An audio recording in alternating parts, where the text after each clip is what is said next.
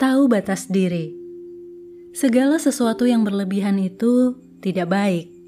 Tidak baik bagi orang lain, terlebih lagi bagi diri sendiri. Misalnya makan. Terlalu banyak makan bisa obesitas.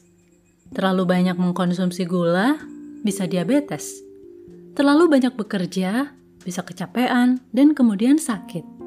Terlalu banyak mikir, penuh khawatir, nggak jalan-jalan rencananya. Setiap kita diberi potensi, kemampuan, kekuatan.